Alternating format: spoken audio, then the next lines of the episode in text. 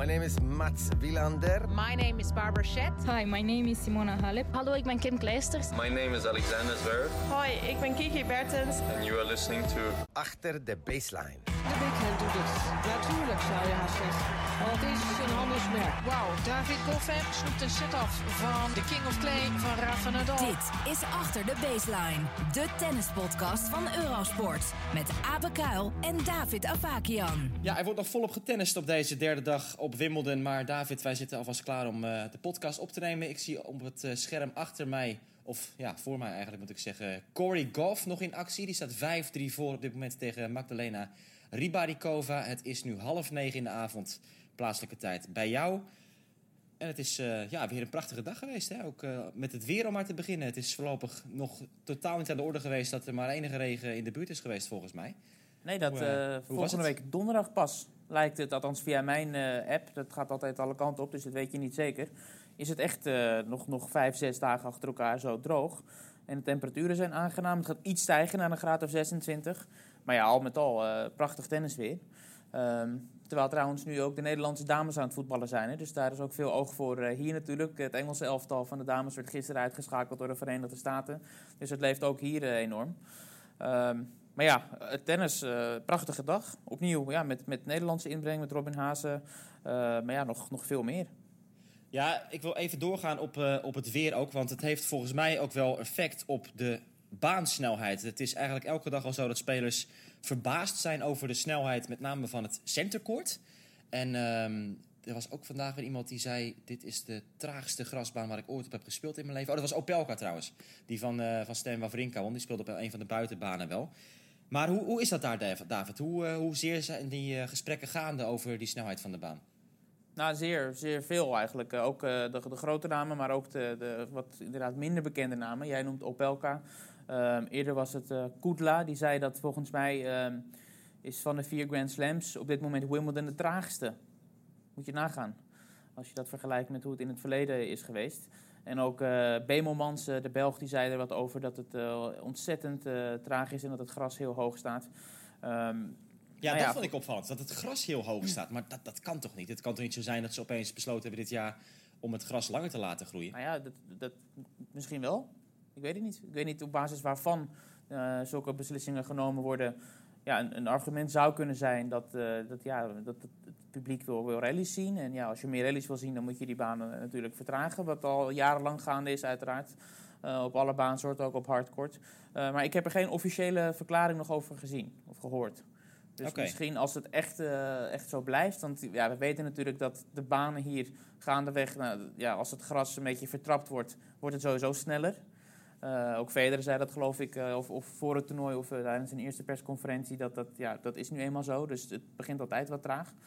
Dus we gaan het in de gaten houden. Maar ja, als, als dat echt, ja, echt gevolgen gaat hebben, dan is het toch wel interessant om dat eens na te vragen.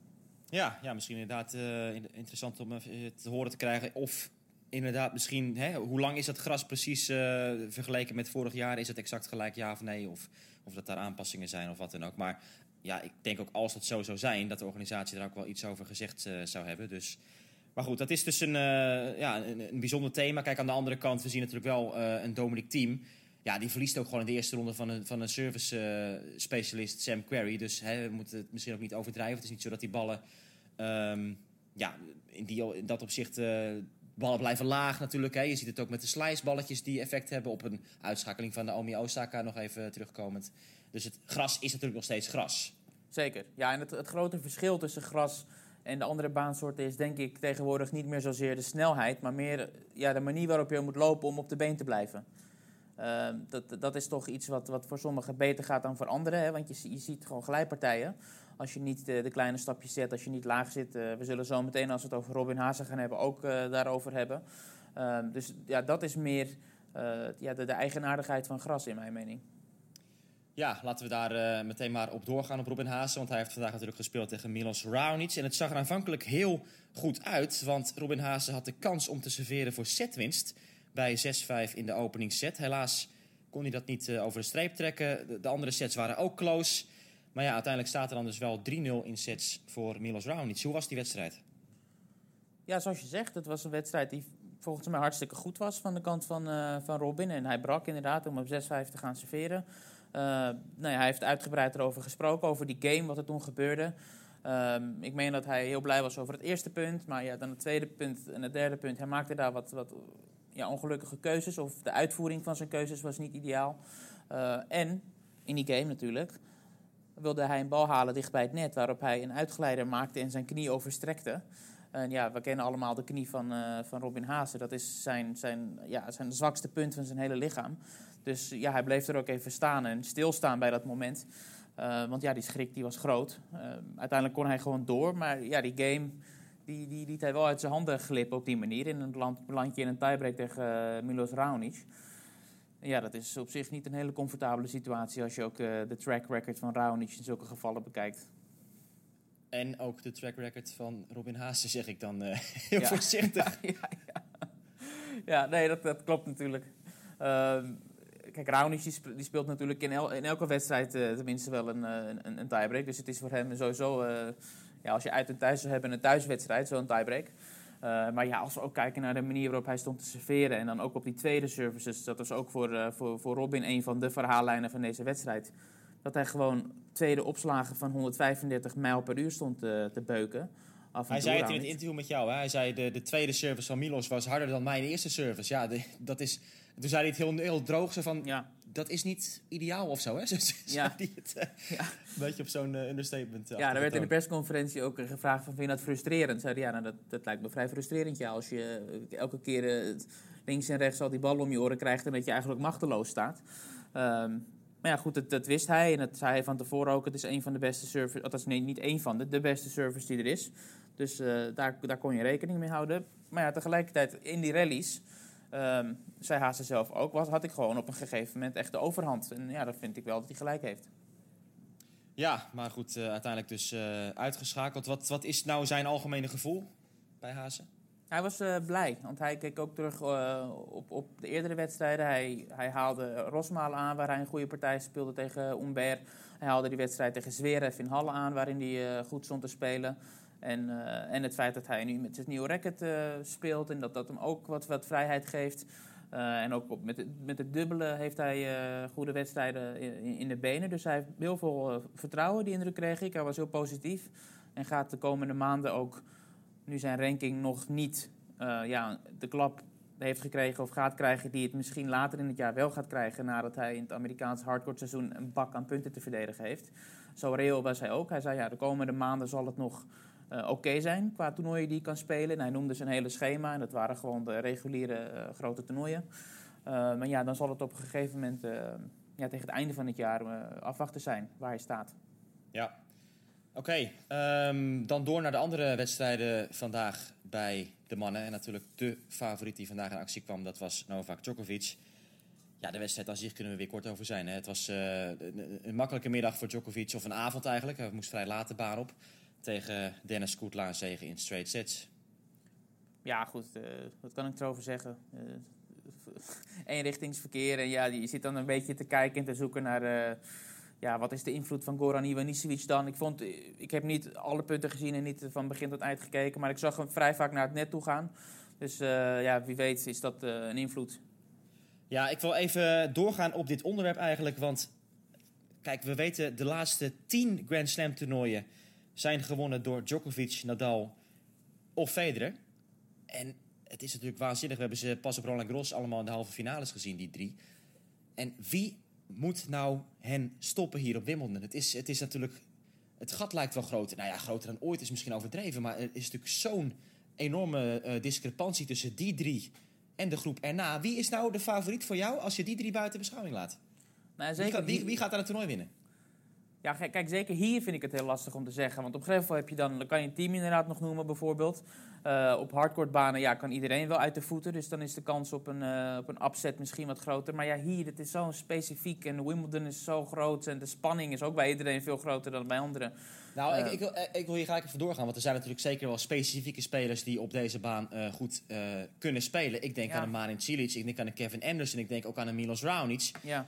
Maar die drie namen, een Zonga, bij wijze van spreken... maar dat zijn allemaal gasten die heel weinig vertrouwen hebben op dit moment. Die weinig wedstrijden hebben gespeeld. En hoe serieus kunnen we hen dan nemen als bedreiging voor de Big Four? Kijk, Anderson wint vorig jaar van Federer, maar toen zat hij gewoon vol in het ritme en was hij bezig in zijn beste fase ooit. Ja, die is ook net weer aan het terugkomen. En Raonic, die is ook om de haverklap natuurlijk altijd geblesseerd geweest. En Chilis, die raakt nog geen pepernoot eh, gemiddeld genomen in 2019. Ja. Ja, dus, dus wie moet je nou aanwijzen? Ja, je, je- het is echt zoeken, hè? Zeker ook al aangezien een naam als uh, Tsitsipas is weggevallen. Wat, wat toch, ja, misschien dan... Tsitsipas, Zverev, ja, tuurlijk. Ja, precies. goed, Zverev, daar had wel een beetje afscheid van genomen eh, dit jaar. Uh, Stan Wawrinka gesneuveld vandaag. Stan Wawrinka gesneuveld. Dus ja, je zit echt te zoeken naar wie wordt dat dan. En dan kom je toch bij, uh, ja, eerlijk is eerlijk, met je belachelijke opties als uh, Felix uh, Auger Aliassima, weet je. Maar ik zeg het en ik vind het gewoon, uh, weet je, raar dat ik het zeg. Maar het, ik, ik, ik, ben, even, ik ben even, even gaan zoeken. Ik heb twee, uh, twee prominente uh, boekmakers even geraadpleegd om te kijken wat zij daar nou van vinden.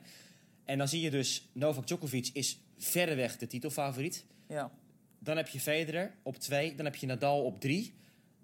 En dan heb je een gigantisch gat ook in de, in de uitbetalingen die je kunt krijgen. Nou, bij een van die boekmakers staat inderdaad Felix Auger Aliassime nu gewoon als vierde favoriet voor de eindzege achter de grote drie. Dus gedeeld met Milos Raonic, met zijn landgenoot uh, dus ook. Bij uh, die andere boekmaker is het Raonic die als vierde staat genoteerd. Anderson gedeeld met Auger Aliassime als vijfde. En Marin Cilic ook.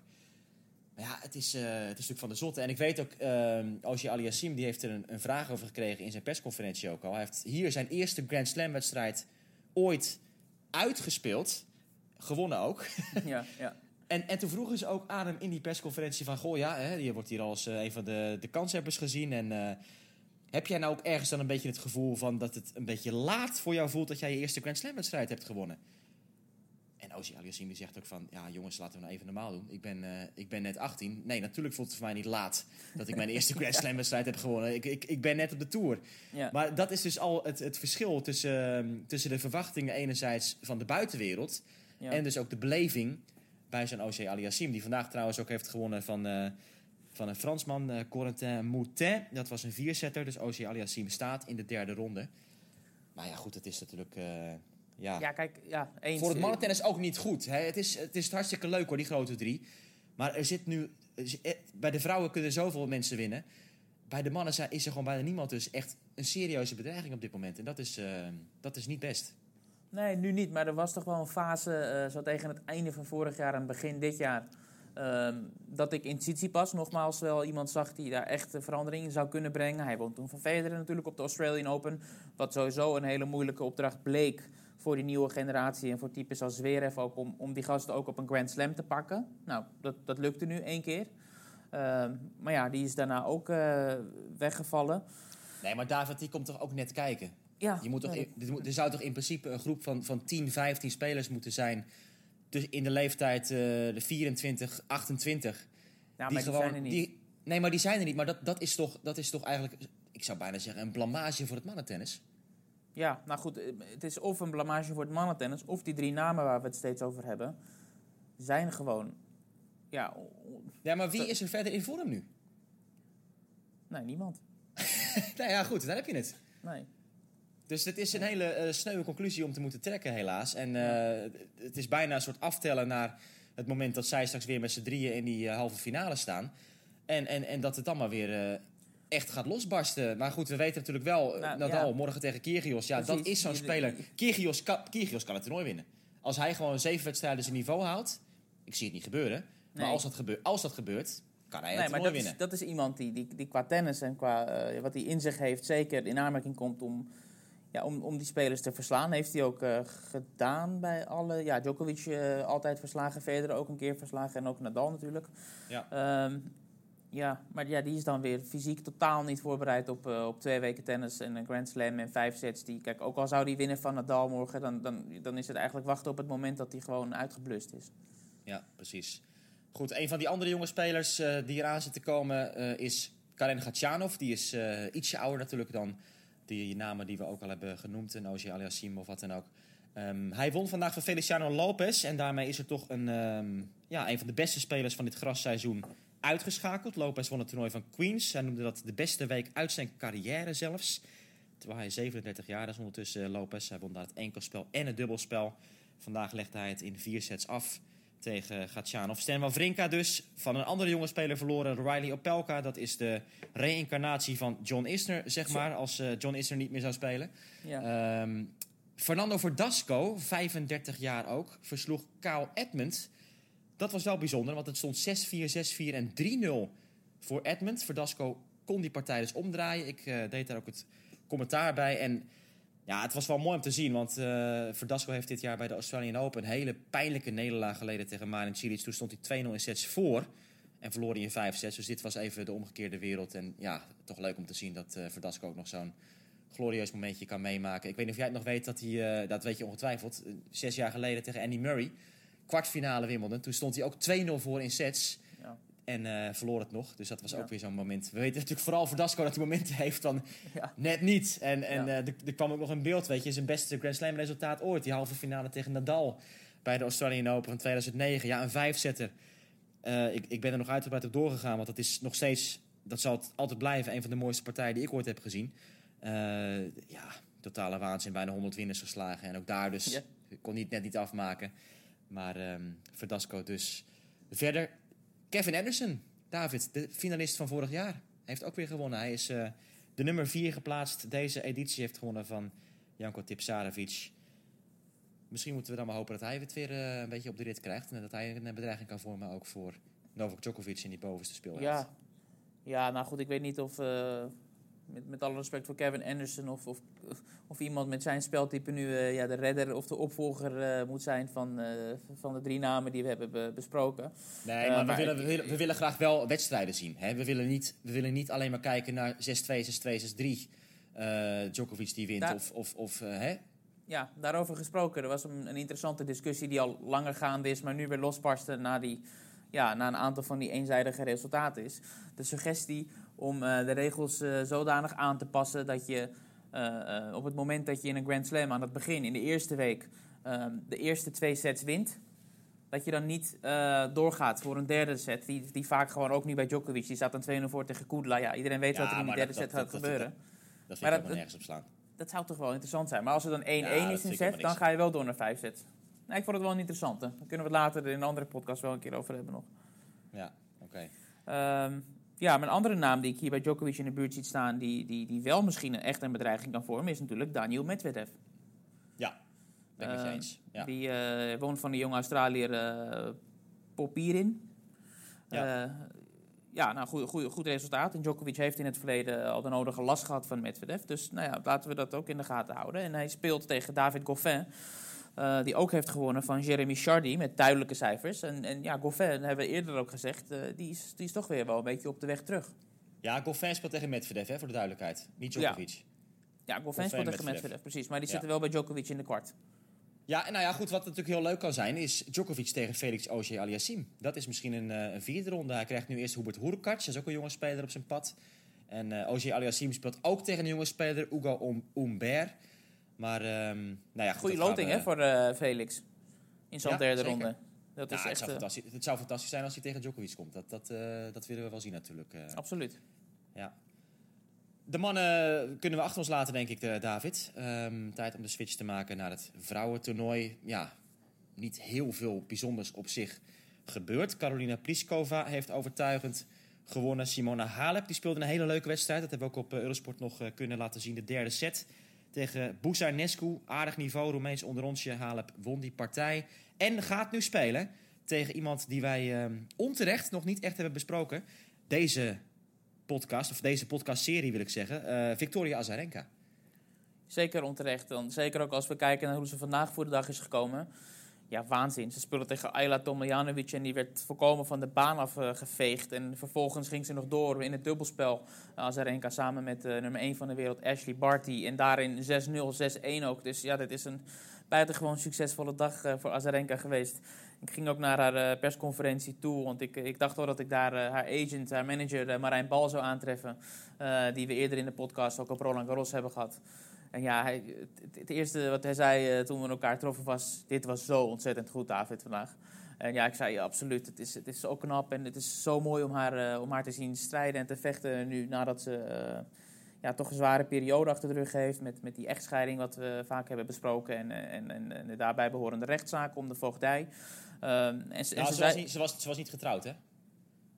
Oh, excuus. Ja, de, ja, de breuk eerder met, eh, met, met, Ja. haar, ehm, met haar ex-vriend.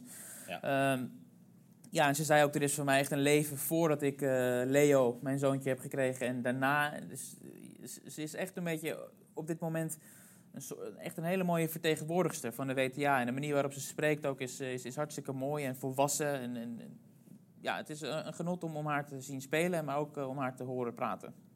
Ik heb het in de uitzending eh, ook gezegd vandaag dat het mij niet zou verbazen als we straks gewoon Victoria Azarenka ehm, zullen zien spelen voor de titel bij de US Open. Als ze weer op haar geliefde hardcourt komt, dan eh, hè, weer met, Ja. met weer wedstrijden in de benen, denk ik. Zij is echt een titelkandidaat straks eh, in New York, vermoed ik. Eh, Ja. Nou ja, goed, we kunnen natuurlijk ook eens kijken hoe ver ze hier nog gaat komen. Want Simone Halep is ook maar een beetje zo-zo dit jaar natuurlijk. Ja, die goed, zit- die heeft die... Sorry. Ja? Ja? die is zich bewust van het gevaar van Azarenka. Ze zei echt van, ze, zij speelt zo snel en neemt die ballen zo snel, Azarenka. Dat als mijn benen het niet doen, eh, ja, dan, dan, dan is het echt heel lastig. En ze, ze haalde ook de eerdere wedstrijden die ze tegen Azarenka heeft gespeeld aan. Zowel hier op Wimbledon als eh, de andere, weet ik niet meer precies. Maar ja, er zijn twee wedstrijden geweest, die, die, dat waren echt krakers. Dus dat is echt eh, een wedstrijd waar ik een grote cirkel omheen heb gezet. Ja, overmorgen wordt die dan Ja. gespeeld. We hebben een treurig moment meegemaakt in de partij van Elina Svitolina. Die Ja. heeft geluk gehad dat zij door kon gaan vanwege de fysieke ineenstorting van Margarita Gasparian. Wat gebeurde daar, David? Ja, Gasparin stond ontzettend goed eh, te spelen en, en, en heeft een hele goede record ook tegen Svitolina. En dat was nu ook weer zichtbaar in die wedstrijd. Maar ja, bij die, bij die voorsprong ja, ging ze tegen de grond. En ja, Ja, haar- openingsset gewonnen, 5-5 tweede set. ja, En, en toen ging het mis. toen ging het mis inderdaad. Eh, haar- het leek weer haar knie te zijn waarin ze, waaraan ze drie keer al geopereerd is, meen ik. Eh, de pechvogel. Eh, ja, maar uiteindelijk is het gelukkig eh, slechts kramp geweest. Maar ja, ze, ze, lag daar op de grond een lange tijd. Tranen in de ogen. Ze werd daar behandeld. Ze speelde toch door, wat in eerste instantie niet heel verstandig leek. Maar ja, aangezien het slechts kramp was, eh, kon het wel. Maar ja, ze moest uiteindelijk toch de handdoek in de ring gooien. En dat was inderdaad een treurig moment. En ze werd ja, door het publiek met een staande ovatie en met die tranen in de ogen ja, van, het, van de baan af geapplaudiseerd. Ja, het is goed om dat wel even te zeggen dat het inderdaad kramp was. Het was een wedstrijd die we ook eh, konden volgen op Eurosport. En ehm, het leek, eh, ja, ze had die, tape om haar knie zitten. Dus we dachten allemaal van, oh jee, dit is weer een ernstige zaak. Maar achteraf bleek dus, het was slechts kramp. Dus ehm, ja, zij Ja. verwacht ook weer te kunnen dubbelen zelfs dit toernooi nog. Dus eh, ze gaat gewoon nog op de baan verschijnen hier op Wimbledon. Ja. Caroline Wozniacki heeft revanche genomen voor de nederlaag die zij leed tegen Veronika Kudermetova op Roland Garros. Dus eh, de Deense is ook weer een ronde verder. Ik kijk weer even naar mijn tv en ik zie dat Corey Goff nu een set en een break voor staat tegen Magdalena Ribarikova. Madison Keys die was in de problemen, David. Even kijken, is die al afgelopen, die partij? Die hadden we toch ook wel ehm Ja, een Herzog. gevaarlijke speelster verwacht hier zo.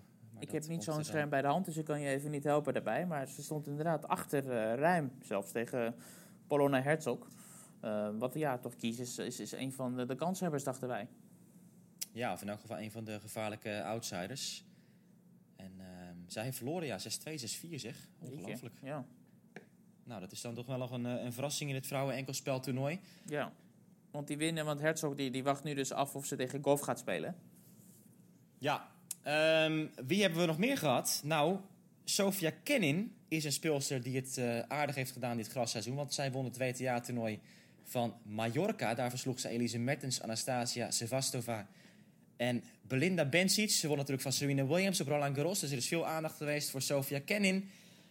Maar zij heeft het vandaag eh, niet kunnen redden in haar tweede ronde partij, David. Nee, ik zal voor jou eh, de, de introductie doen. Ze heeft verloren van niemand minder dan Diana Jastremska. En dan geef ik het eh, woord weer terug aan jou. Diana Jastremska, ja, en die ehm, kan goed tennissen. Die gaat nu spelen tegen Victoria Golubic in de volgende ronde. Ja. Dat is ook weer een leuke eh, eh, inhaker, want Golubic heeft gewonnen van Julia Putintseva. Putintseva won van Naomi Osaka in de ronde hiervoor. Dus David, ligt de weg open? Voor Jastremska. De weg, oh, ja, nou ja, goed. Eerlijk is eerlijk. Eh Wozniacki staat daar ook in de buurt. Als hij dan wint van Golubic en dan daarna tegen Wozniacki moet spelen.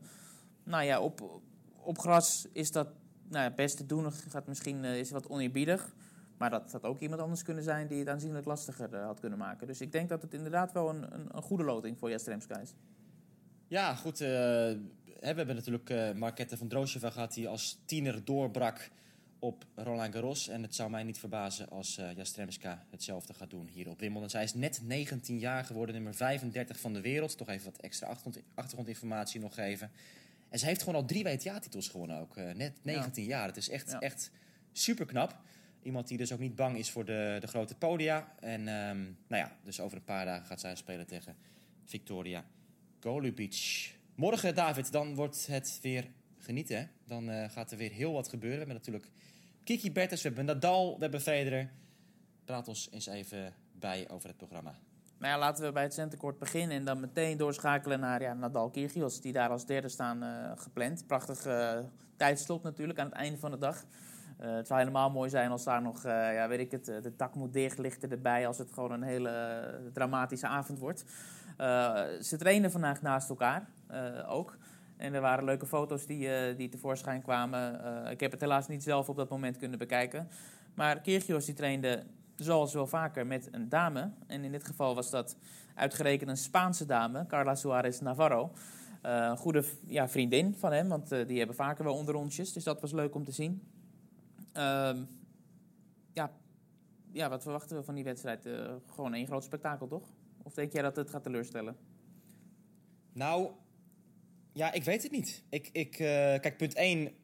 Kyrgios zal geen vijf sets kunnen vlammen, denk ik. Hè, vanwege dat fysieke probleem dat hij natuurlijk gewoon heeft. Nou ja, hij is, hij is gewoon... Hij is, nee, ja, precies. Dus het zal, het zal waarschijnlijk een hele rare wedstrijd worden. Zeker als Kyrgios misschien de eerste set wint of zo. Dat hij dan even denkt van, oké, okay, ik moet er even bijkomen. En uh, ja, het, het, kan één grote achtbaan worden. Anderzijds, als Nadal echt scherp is en Kyrgios iets minder, dan kan het ook zomaar gewoon tegenvallen. Zoals Kyrgios tegen Federer een keer op de US Open, weet ik nog ja. wel. Was, was het vorig jaar? Het, uh, volgens mij wel, hè?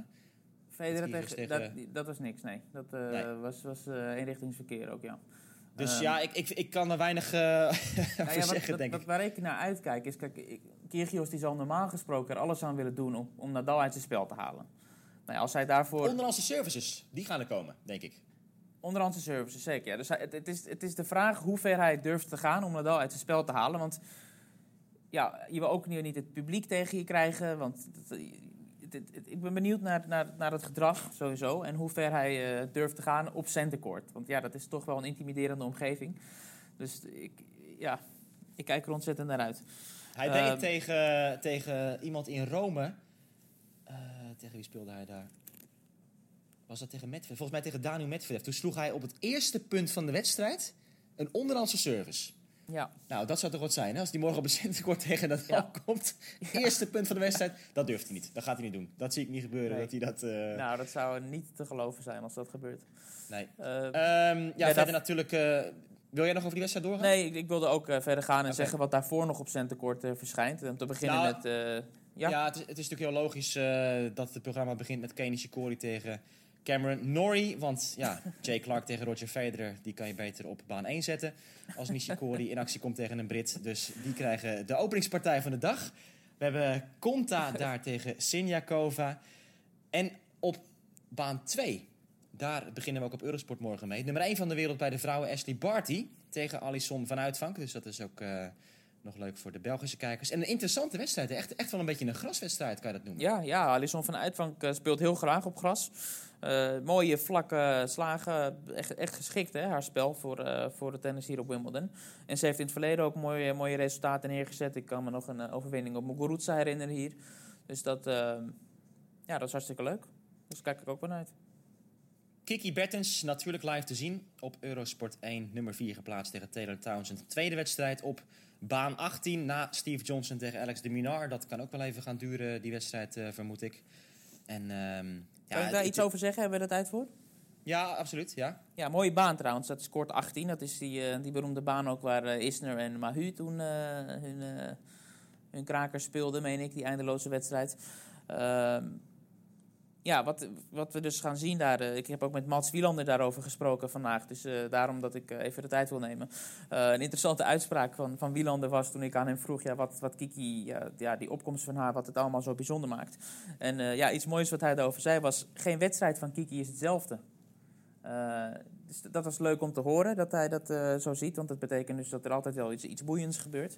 En, en ja, wat, wat voor mij misschien iets te ver ging, was dat hij zei dat ja, het spel van Kiki op den duur op gras zelfs beter zou moeten zijn dan op, op gravel. Nou ja, dat, dat weet ik niet of ik daar helemaal eh, in, mee kan. Eh, maar ja, die handigheid en die touch en, en, en het netspel, ja, dat heeft Kiki wel. Dus in dat opzicht eh, heeft hij misschien wel een punt. Nou, en de slice backhand Ja. wil ik toch even noemen. Dat is natuurlijk wel een slag die Kiki echt wel effectief kan gebruiken op gras. Ja. Ehm, maar ja, goed, die slice backhand zal nooit opwegen tegen de zware spin voorhands van Kiki Nee. Bertens op een gravelbaan. Dus dat is inderdaad een beetje overdreven van Mats Wielander.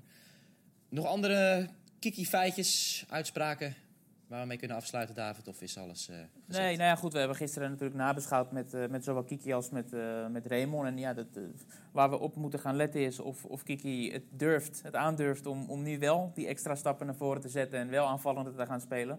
Of dat ze weer ja, in, de, in, de, in de veilige modus ja, vervalt. Beetje raar gezegd misschien. en, en, en ja, gewoon op basis van haar, haar basisniveau Taylor Townsend eh, kan verslaan.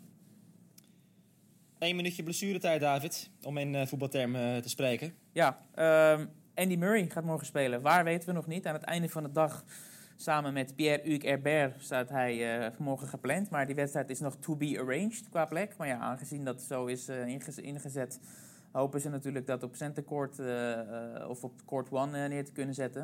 Het zou wel zijn trouwens dat Nadal Kyrgios nog wordt opgevolgd door Andy Murray. Ja, dat gaan we in de gaten houden. En heel snel, als, als jij niks toe te voegen hebt, wil ik nog wel even terugkomen op een tweetje dat geplaatst is vandaag eh, over Sharapova. Die, had, eh, ja, die, die was erop gewezen dat de tegenstandster van gisteren, eh Pauline Parmentier, een vreugdedansje deed nadat zij zich had teruggetrokken op de baan. En dat ze een grappig tweetje over van, ik was, waarin ze zei, ik was van plan om een dutje te doen, hè, midden op de dag. Maar toen kreeg ik ineens deze tweet en, dat, en, en die beelden voorgeschoteld. En toen was ik weer klaar wakker. Dus Ja. misschien is Pauline Parmentier er hoogstpersoonlijk verantwoordelijk voor dat eh, Maria Sharapova nog drie jaar eh, aan haar carrière vastplakt. Dat is een eh, mooie uitsmijter om mee af te sluiten, denk ik. Op de Eurosport Player morgen ook te zien op baan 4 aan het eind van de dag, de vierde wedstrijd. De dubbel van Diana Jastremska met Anastasia Potapova tegen Jennifer Brady en Alison Risk. En verder hebben we alle hoogtepunten genoemd. We hebben van onze producer steeds 30 minuten gekregen om onze podcast op te nemen. Maar wij tellen daar altijd tussen een beetje blessuretijd bij op. Dat zijn er vandaag eh, twee minuutjes geweest. Daar moet hij vast mee kunnen leven, David. Ja, en hopelijk hebben de dames eh, van het Nederlands elftal al die nodig. Nee, zo is het. Bedankt eh, voor het luisteren weer. Wij zijn morgen terug. We gaan hopelijk dan een zegen van Kiki Bertens weer nabespreken. Zij gaat dus spelen tegen Taylor Townsend. Graag tot morgen.